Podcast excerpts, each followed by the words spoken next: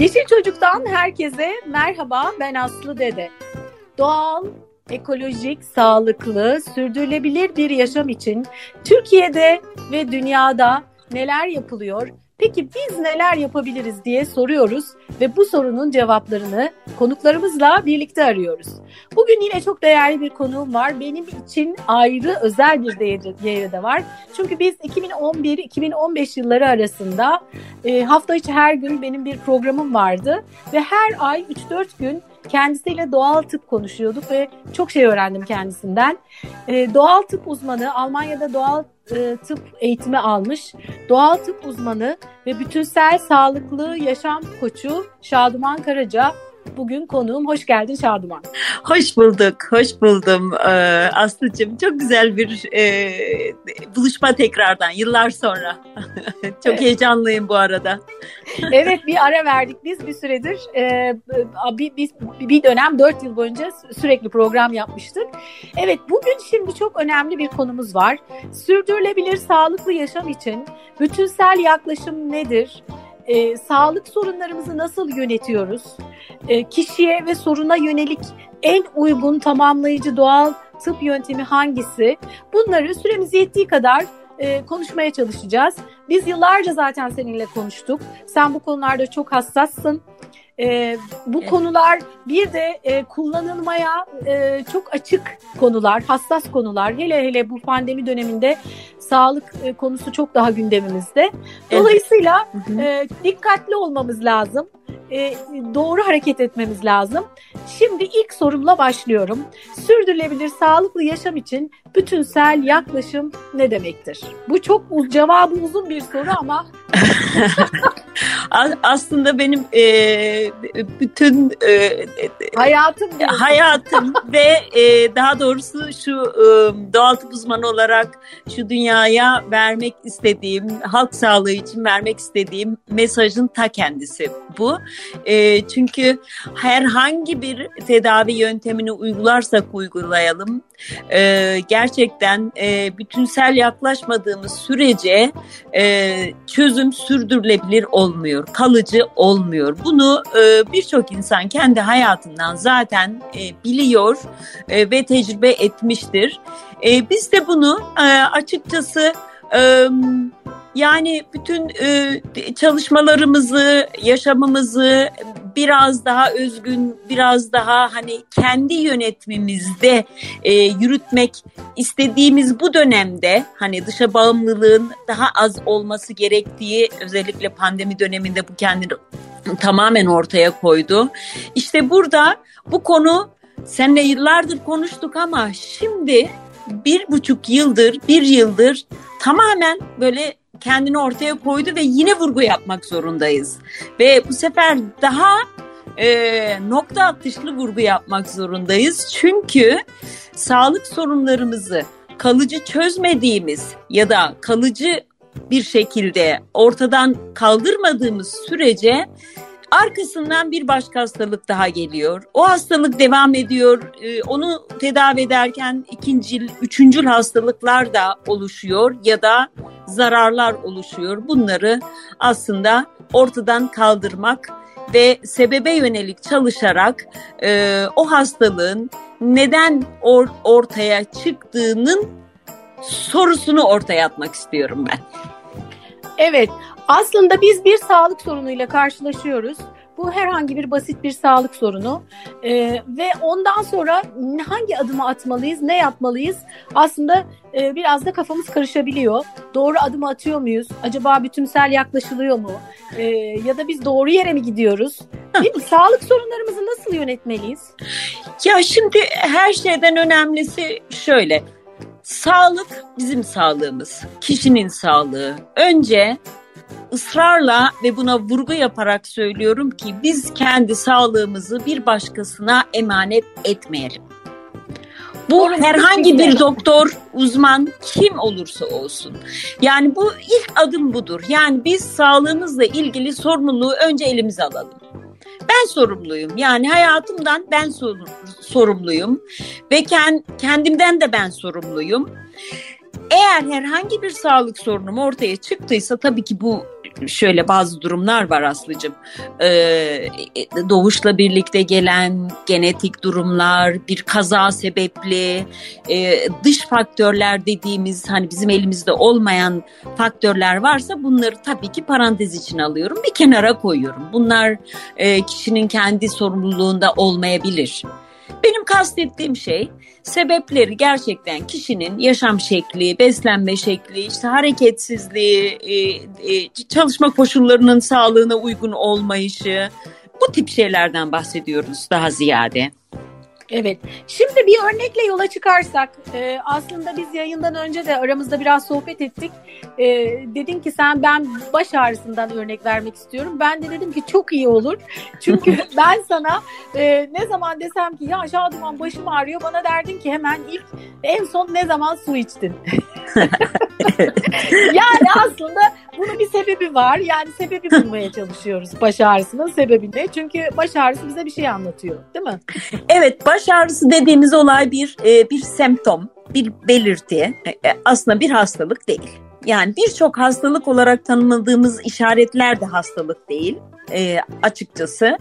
E, bu işaretler, bu belirtiler bizim işte biraz önceki bahsettiğim yaşam koşullarımızın e, bize uygun, herkese farklı uygun koşullar vardır ama o kişiye yani bana uygun ya da sana uygun e, olmayışının bir göstergesi. Bu durumda hani şey de değişebiliyor. Mesela su ihtiyacımızda yazın mı, kışın mı, e, fiziksel bir faaliyet içinde miyiz, değil miyiz? Yani böyle statik bir şekilde düz çizgi halinde ihtiyaçlarımız ve gereksinimlerimiz de e, seyretmiyor. Bu gerçekten harcadığımız efor, içinde bulunduğumuz durum ve ihtiyacımızla alakalı ve paralel giden bir konudur. Evet. Peki o zaman e, biz e, sağlık sorunlarımızı nasıl yönetelim e, ve şimdi bir de şöyle doğal tıp, e, şimdi Türkiye'de bu doğal tıp sözü pek kullanılmıyor. Almanya'da çok e, bilinen bir şey. Hatta evet. sen bunun eğitimini aldın. Doğal tıp uzmanı olarak orada e, hasta da kabul ettin ama Türkiye'de evet. daha farklı bir durum söz konusu. Evet. Şimdi bu, bu tam e, yasal olarak birçok şey tam netleşmediği için de ya da aslında tabii biz seninle ilk konuştuğumuz yıllardan bugüne bakıldığında epey bir adım atıldı. Tabii. Çok yol çok Tabii. yol gidildi. Sen o zaman daha yeni Türkiye'ye dönmüştün ve diyordun ki ah yapılacak çok şey var aslında ben nasıl anlatacağım bunları diyordun. daha doğrusu ben sana diyordum ki ilk karşılaştığımızda demiştim ki Buğday Derneği'nin bir e, toplantısında evet, çok evet. güzel şeyler söylüyorsunuz ama e, işiniz çok zor demiştim. Türkiye'de olmaz. ben evet Türkiye'de çok zor demiştim. Sen de demiştin ki bana e, ben yalnız değilim siz varsınız e, demiştin ve gerçekten öyle de bir şey oldu biz dört yıl boyunca radyo programıyla bunu beraber anlatmaya çalıştık. Evet. Çevresel etkisi az malzemelerle üretilmiş, eko tasarımlı, geri dönüştürülebilir Tefal Renew serisiyle hem doğaya hem de mutfağına özen göster. Evet, ee, evet. Şimdi oldukça yol gidildi aslında bu konuyla ilgili ama yine de hala Mutlak. suistimale açık bir konu. Yani e, e, mesela herhangi bir rahatsızlığımız oluyor. Biz işte şifalı otlarla biz işte bunu çözeriz diyoruz. Ya da işte farklı farklı yöntemler gündeme gelmeye başladı. Ama tıbba kime ne iyi, neye göre iyi, e, hangisini yapalım kafalar karışıyor. Evet, evet. Yani or, orada açıkçası aslı e, şöyle bir durum var. Yani e, e, olayı sağlık konusunu hastalık boyutuna e, taşımadan önlem almak en güzeli.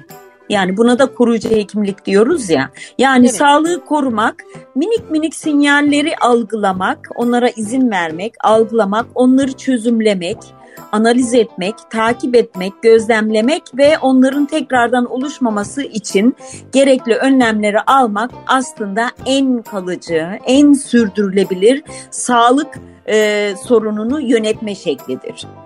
Çünkü sorun oluşmadan yönetiyoruz. Daha doğrusu sorun oluşma sinyallerini alıp onun sebebine yönelik çalıştığımızda hastalıklar oluşmayacak. Ama hastalık elimizde olmayan sebeplerden dolayı oluşursa burada işte hep uzun süredir işte e, televizyonlarda, radyoda ya da sosyal medyada ya da internette anlat yani şu şuna iyi gelir, bu buna iyi gelir olayına ben çok iyi biliyorsun ki e, evet. alerjik re- reaksiyon gösteriyorum. Çünkü gerçekten öyle. Çünkü hani bu işin eğitimini veren bir kişi olarak fitoterapi eğitimi veriyorum biliyorsun yıllardır hala vermekteyim.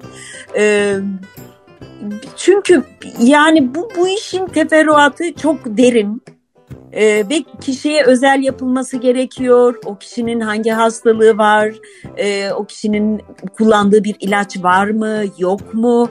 Yani böyle bitkiler diye örneğin fitoterapi bitkilerden gidecek olursak örnek verdiğin için bitkiler bitkidir, zarar vermez diye hafife alınan bir durum aslında çok hafif değil bunun bir uzmanlık isteyen bir konu olduğunu e, insanlara söylemek gerekiyor. Tabii ki hani bir ıhlamur ya da bir nane çayından bahsetmiyorum.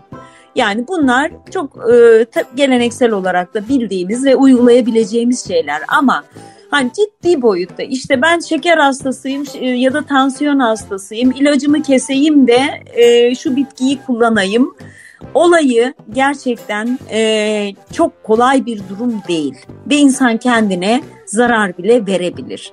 E, bu, bu durumda uzmanlarla çalışmak gerekiyor. Ama uzmanlara kadar yapacağımız çok şey var. Her şeyden önemlisi bir işte bir ağrı hissediyorsak diyelim ki baş ağrısı hissediyoruz belli tarihlerde belli dönemlerde şimdi madem o bir belirti kendimizi takip etmemiz gerekiyor. Evet hangi durumlarda bu baş ağrısı oluşuyor? Ne yediğimde ne içtiğimde oluşuyor. Ee, psikolojik bir durum mu var? Yani birisiyle iletişimim sonrasında mı ya da zorlanmam sonrasında mı oluşuyor bu baş ağrısı? Ve bunun birçok birçok birçok boyutu var. Bunu kişi kendisi gözlemleyebilir. Eğer mümkün ise de işte e, burada da tabii ki şiddetsiz iletişim ve diğer e, konular devreye giriyor. Ee, eğer e, diyelim ki e, bir iletişimden kaynaklanıyor bu baş ağrısı, e, iletişimdeki bir e, sorundan kaynaklanıyorsa bu durumda o kişiyle e, oturup konuşulması gerekiyor. Bu eş olabilir, çocuğu olabilir, anne baba olabilir ya da iş arkadaşı olabilir, komşu olabilir, hayat arkadaşı olabilir, her neyse. Burada da e, sorunun ne olduğunu e, kişi kendisi e, analiz edip çözebilir. Ama sende de genellikle su içmeyi unuttuğun için bazen çok basit de olabiliyor. Gerçekten su içmeyi unutmuş olabiliyor. Onun için insanın başı ağrıyabiliyor. Ya da güneşte kalmış olabiliyor. Ya da yemek yeme ritmini aksatmış olabiliyor. Ya da işte çok yorulmuş olabiliyor. Ya da çok zihinsel çalışmış olabiliyor bilgisayar başında. Bütün bunları gözlemlemek gerekiyor ve geri sayarak öyle diyorum ben geri e, e, döndürerek o süreci gözlem yapıp e, kendi ihtiyacı olan e, koşulları yaratmak için adımlar atmak gerekiyor. Bir, iki, küçük küçük küçük küçük adımlar atmak gerekiyor ve bu da bizim yaşam şeklimizi değiştirmeyi gerektiriyor. Evet evet. Şimdi ben de mesela bugün ve dün e, böyle belirli saatlerde bir e, hafif bir baş ağrısı hissettim açıkçası. Şimdi düşündüm dün ve bugün farklı ne yaptım? İki gündür farklı yaptığım bir şey var mı diye ben de böyle sen tabii dört yıl boyunca ben eğitim aldım sizden programlar sırasında. Aa, tabii ayrıca senin bazik beslenme detoksuna da ben ve annem geldik. Onlar ayrıca o da ayrı bir okuldu benim için. E, her yıl mutlaka yapılması gereken bir şey olarak diye düşünmüştük o zaman. Devamını getiremedik. E, hocam ama e, gerçekten önemli bir adımdı o da. Aslında şimdi sen bütünsel sağlıklı yaşam koçu olarak e, bizim kendi kendimizin koçu olmamızı öğretiyorsun belki de değil mi? Hah, aynen yani balık değil balığı tutmayı öğretiyorum açıkçası. Biraz böyle iç dünyasının aynası olmaya, rehberi olmaya çalışıyorum belli bir süreliğine. Sonra o kişi ihtiyaç duymayacak bana. Kendi yoluna kendisi gidecek. Aslında çok güzel bir şey. Yani e, zaman zaman hep düşünüyorum ben. Bazı bilgiler okullar yıllarca okullarda e, gidiyoruz bir şeyler öğreniyoruz. Halbuki bu senin aslında bizim hayat yaşamımızı kullanma kılavuzu gibi bir şey. Evet. yani bunu öğrenmemiz lazım. Ben düşünüyorum bizim ilkokuldayken vücudumuzu tanıyalım diye bir e, şey vardı, ünite vardı. Hiç unutmuyorum. Evet. Ama yani hani böyle ismi kalmış bende ama aslında içinde çok fazla bir şey yok ki. Üzerine sonra bu ilkokulda bir üniteydi. Sonrasında orta öğrenim, işte lise, üniversite bir sürü yıllar yüksek lisans, bir sürü eğitim aldım ben. Ama aslında bu senin dediğin şey temelde herkesin e, öğrenmesi gereken şey değil mi? E, tabii yani kendi yani şu var yani hep sağlıktan kıymetli başka bir şeyimiz yok diyoruz ama farkındaysan e, kendi sağlığımız için hani genelleme yapmayayım ama bu bildiğimiz bir şey. Ee, en en az vakti ve en e, e, ne diyelim e, en az çabayı kendi sağlığımız için e, harcıyoruz. Tamam beslenmeyi, yemeğimizi, içmeyimizi aksatmıyoruz ama bu yeme içmelerde de ihtiyacımız olan şeyleri mi yiyoruz? Yoksa gerçekten rutin bir e, beslenme çalışması mı yapıyoruz? O ayrı bir soru. Yani işte bu şeyde sağlıklı yaşam rehberi bir yıl önce yayınlamıştım hatırlarsın. Evet. Sağlıklı yaşam rehberinde aslında işte bütün bunları aktarıyorum ya. İşte oradaki rehberdeki kişinin kendi kendine değil de e, belli bir süreliğine bir e, yönlendiriciyle bir bir işte yaşam koçu yani e, sağlıklı yaşam koçu koçu ile e, yol alma şeklinden bahsediyorum ben. Çünkü orada bir şekilde insan o kendi resminden çıkıp dışarıdan kendine bakamıyor. Evet. Bu, bu zor. Yani o, o içindesin çünkü bir de e, e, öznel bir durumun var, subjektifsin, duy, kendin duygu bağın var kendine karşı. E, her ne kadar kabul etmesek de kendimizle de bir duygu bağı içindeyiz. E, ve bazı hani bize iyi gelmeyen şeyleri yapıyor olmamızı kabul etmemiz zor oluyor. Çünkü bu resimden çıkıp görmek gerekiyor bunu. Bir de denemek ve görmek gerekiyor. İşte onları bırakıp yani eğer iyi gelmeyen şey alışkanlığımız varsa onu bırakıp iyi gelen şeyleri bulup onu, onu deneyerek buluyoruz onu da bir de. Ee, örneğin işte belli insanlara e, şey var e, Ayurveda'da e, doşalar var bilir misin? Böyle yapı kiş, kişinin mizacına evet. göre Hı-hı. beslenme şekli işte bu geleneksel Çin tıbbında da var, Osmanlı hekimliğinde de vardı. Aslında kişi ben biraz o yapıyı 4-5 geleneksel Çin tıbbında 5, Ayurveda'da Hint tıbbında 4. Ben aslında bunu birazcık daha zamanımıza yayıyorum. Ve o yapı e, daha fazla sayıda ve daha bireysel. Çünkü bizi etkileyen faktörler artık o kadar fazla ki her kişi neredeyse hani birçok insanla ortak özelliğe sahip olabilir ama yine de özelinde tektir, tek bireydir. İşte o kişinin bireyinde çalışmak gerekiyor. Bireysel olarak çalışmak gerekiyor ki onun ihtiyacı olan sağlıklı yaşam şeklini birlikte bulalım. Evet. Şimdi bu noktada e, biraz bilmeyenler için e, aldığın eğitimlerden söz etmeni rica edeceğim ve hemen arkasından da şunu sormak istiyorum. E, yaş yani kadın, erkek, çocuk, genç e, böyle bir şey var mı? Hani sana geldikleri zaman böyle bir sınır var mı? Ee, bir sınır yok. Ee, sadece şöyle bir sınır var. Hani akut hastalık hani gerçek anlamda hani hastalık durumlarında bana gelinmesini istemiyorum. Çünkü ben birebir tedavi üstlenmiyorum. Yapmıyorum bunu. Her ne kadar eskiden Almanya'da üstlensem de bu arada Almanya'da bizim e, doğal tıp e, ile tedavi etme durumumuz da sınırlıydı. İşte ne bileyim bulaşıcı hastalıklara dokunmuyorduk ve belli hastalıklar var onlara da dokunmuyorduk. Şimdi burada bu sağlıklı yaşam koçluğunda e, hastalıklara genelde ben dokunmak istemiyorum. En en fazla hani bu durumda şu uzmana gidin ya da şu şu tedavi yöntemi size iyi gelebilir diye yönlendirebilirim. Ama bana e, gelmesini tercih ettiğim kişiler bir şekilde hani ya ben iyi hissetmiyorum ama hani tam olarak anlamıyorum neden. Ee, ama sağlığıma yeniden kavuşmak istiyorum. Ya da sağlığımı korumak istiyorum ama nasıl yapacağımı bilmiyorum diyen e, kişiler için aslında ben e, doğru danışmanım.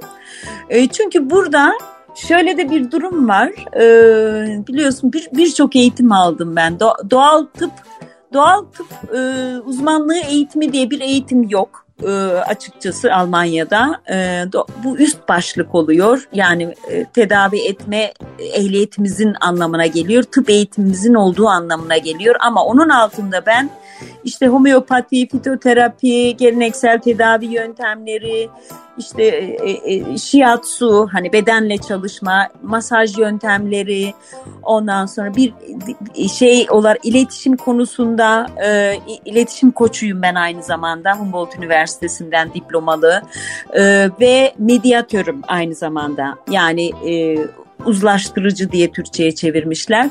Aslında bütün bu yelpazeyi ben e, bu verileri, bu bilgileri ben e, kişinin e, sağlıkla ilgili karşılaşabileceği ya da karşılaştığı sorunların e, çözümü için bunları veri tabanı olarak e, e, değerlendiriyorum ve harekete geçiriyorum.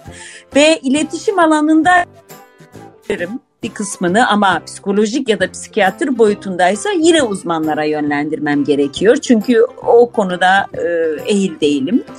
Ama ya da ne bileyim homeopati ile ya da fitoterapi ile e, çözülecek bir durum ise e, e, e, gerçekten bir hastalıkla gelmiş ise o zaman diyorum ki lütfen nerede yaşıyorsanız bulunduğunuz bölgede bir uzmana şu konuda ya da osteopati ya da e, kraniosakral terapi ya da pilates ya da yoga her ne ise e, kişinin sahip olduğu konuyla alakalı olarak e, tabii doğal tıp uzmanı olduğum için genel olarak doğal tıpla ilgili alanlar hakkında bilgim var. O kişilere ve uzmanlara yönlendiriyorum. Ama benim bilmediğim konular da vardır. Örneğin modern tıbbın çözmesi gereken konular vardır. O zaman derim ki aile hekiminize gidin kimse ve onun üzerinden devam edin. Orada benim e, sınırlarım aşılmış oluyor. Benim bileceğim bir Ama şey değil o. Ama aslında şu önemli. Belki aile hekimine giderken bile şimdi burada e, hekime giden hastanın kendini ifade ediş şekli çok önemli. Yani hekim ne kadar iyi bir hekim de olsa eğer onu e, yeterince e, iyi ifade edemiyorsa, burada da kendini gözlemleyip neyi söyleyeceğini bilmiyorsa, farkında değilse orada biraz da çok kısıtlı bir zamanda hekimin işte soracağı sorularla algılaması e, gerekecek. Dolayısıyla hani sen oraya yönlendirsen bile belki de kendimizi nasıl ifade edeceğimizi de bize e, yol göstererek e, e, e, söylersen daha da güzel olur herhalde. Ön, ön çalışma yapmış oluyoruz işte orada. Yani evet. örneğin işte e, e, diyelim ki e, işte başı dönüyor sürekli. Başı aa ben hemen orada ne yapıyorum? Bir dakika yani ne merkezi sinir sistemi ile ilgili bir şey olabilir. O zaman zaten hiç hiç e, ben detaya girmeden önce git diyorum aile hekiminle görüş bu konuyu e, ve tahlillerini yaptır, tetkiklerini yaptır, e, sonra gel diyorum. Çünkü bu tip konular böyle tehlike çanları konularıdır. Ee, ve orada o kişiyi e, e, bir de e, hafife alarak aa şimdi biz bir, bir bakalım senin hayatında ne var ne yok diye o kişiye zaman kaybettirmememiz gerekiyor. Herhangi bir şey de olabilir. Zaten ben o kişiyi almamış oluyorum. Evet. Yani Bu arada da, özellikle danışmaya almamış oluyorum, direkt yönlendirmiş oluyorum. Anladım. Bu arada bütün bütünsel yaklaşımdan özellikle söz etmemizin bir sebebi de demin dediğin gibi e, homeopati, fitoterapi, hidroterapi, işte bir sürü ayurveda, bir sürü farklı e, sistem Aynen. var. E, yani hani bunu e, sadece bir fitoterapiste gidip bir bu şifa bulacağım e, diye e, düşünmek e, düşünmeyelim diyorsun değil mi? Öyle e, aynen. Yani o, o kişiye özel kimine fitoterapinin belli bir alana uygundur. İşte belki hidroterapi gerekiyordur. Belki homeopatinin farklı bir şeyi gerekiyordur. Dolayısıyla belki de sırayla sırayla gerekebiliyor. Çünkü hastalıklar da katman katman oluyor. Belki en akut durumu bir uzmanlık alanı çözecek. Arkasındaki katmanı ikinci bir uzmanlık alanı çözecek. Yani burada da kişi yani tedavi arayan ya da danışmanlık arayan kişi bilemeyebilir bunu. Evet. Ama işte orada da ben onun şeyi oluyorum, rehberi oluyorum. Anladım. Bu evet. şekilde. Peki e, süremizin sonuna geliyoruz yavaş yavaş. E, şimdi burada özellikle şunu da aslında altını çizmek istiyorum. Bizi dinleyen ebeveynler varsa ben neden yaş diye sordum. Çünkü e, çocuklarına bir hediye olabilir. E, kendilerini kullanma kılavuzu vermek isteyebilirler belki çocuklarına. E, yani hani e, çocukları için de güzel bir yöntem. Gelecekte yani belli bir yaşa gelmiş çocuğun kendi kendini fark edebilecek bir çocuk içinde belki hani e, e, ileride e, kendine iyi bakabilmesi için bir yol gösterici de olabilir diye aklımdan geçti açıkçası. Bir, bir ebeveyn olarak oradaki fikrimi ve uzun süre eğit, eğitici olarak da çalıştığım için biliyorsun fikrini. Ebeveyn ebeveynler için çocuklarına en güzel örnek kendileri e, yaşamalarıdır. E, kastettikleri şeyi ya da önerdikleri şeyi ve çocuklar gerçekten söze değil e, yapılan e, uygulamaya bakıyorlar ve ben bunu kendi oğlumdan biliyorum, kendi yaşamımdan biliyorum ve e, birçok e, eğitim verdiğim gençten ve çocuklardan biliyorum. Onun için e, ebeveynler e, önce kendileri gelip başlayıp ondan sonra çocuklarına örnek olabilirlerse muhteşem olur. Yani evet. Çok Peki, güzel olur. E, bu sağlıklı yaşam rehberine şu anda ulaşabiliyor muyuz? Senin e, Evet, evet. Nasıl ulaşabiliriz? E, ister şeyden e, Instagram hesabı e, fito.sofia'nın e, e, Linktree'den e, orada yüklü e, linki Hı-hı. ya da e, direkt e, benim web siteden fitosofya.com.tr'den Evet, fitosofya. Neden fitosofya olduğunu da bir anlatır mısın kısaca?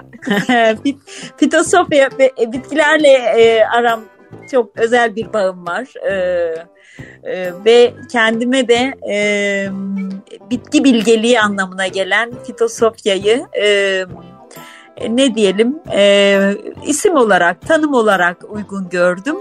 E, ve e, bütün şu andaki e, kullandığım hesaplar e, onun üzerinde. Tabii Fitosofi arkasından Şadman Karaca geliyor da evet. e, bu ismi çok seviyorum. Akıllarında kalmazlarsa kalmazsa sosyal medyadan ya da internetten arama yapıp Şaduman Karaca yazdıklarında da zaten senin sosyal medya hesaplarına ve e, tüm bilgilere ulaşabiliyorlar.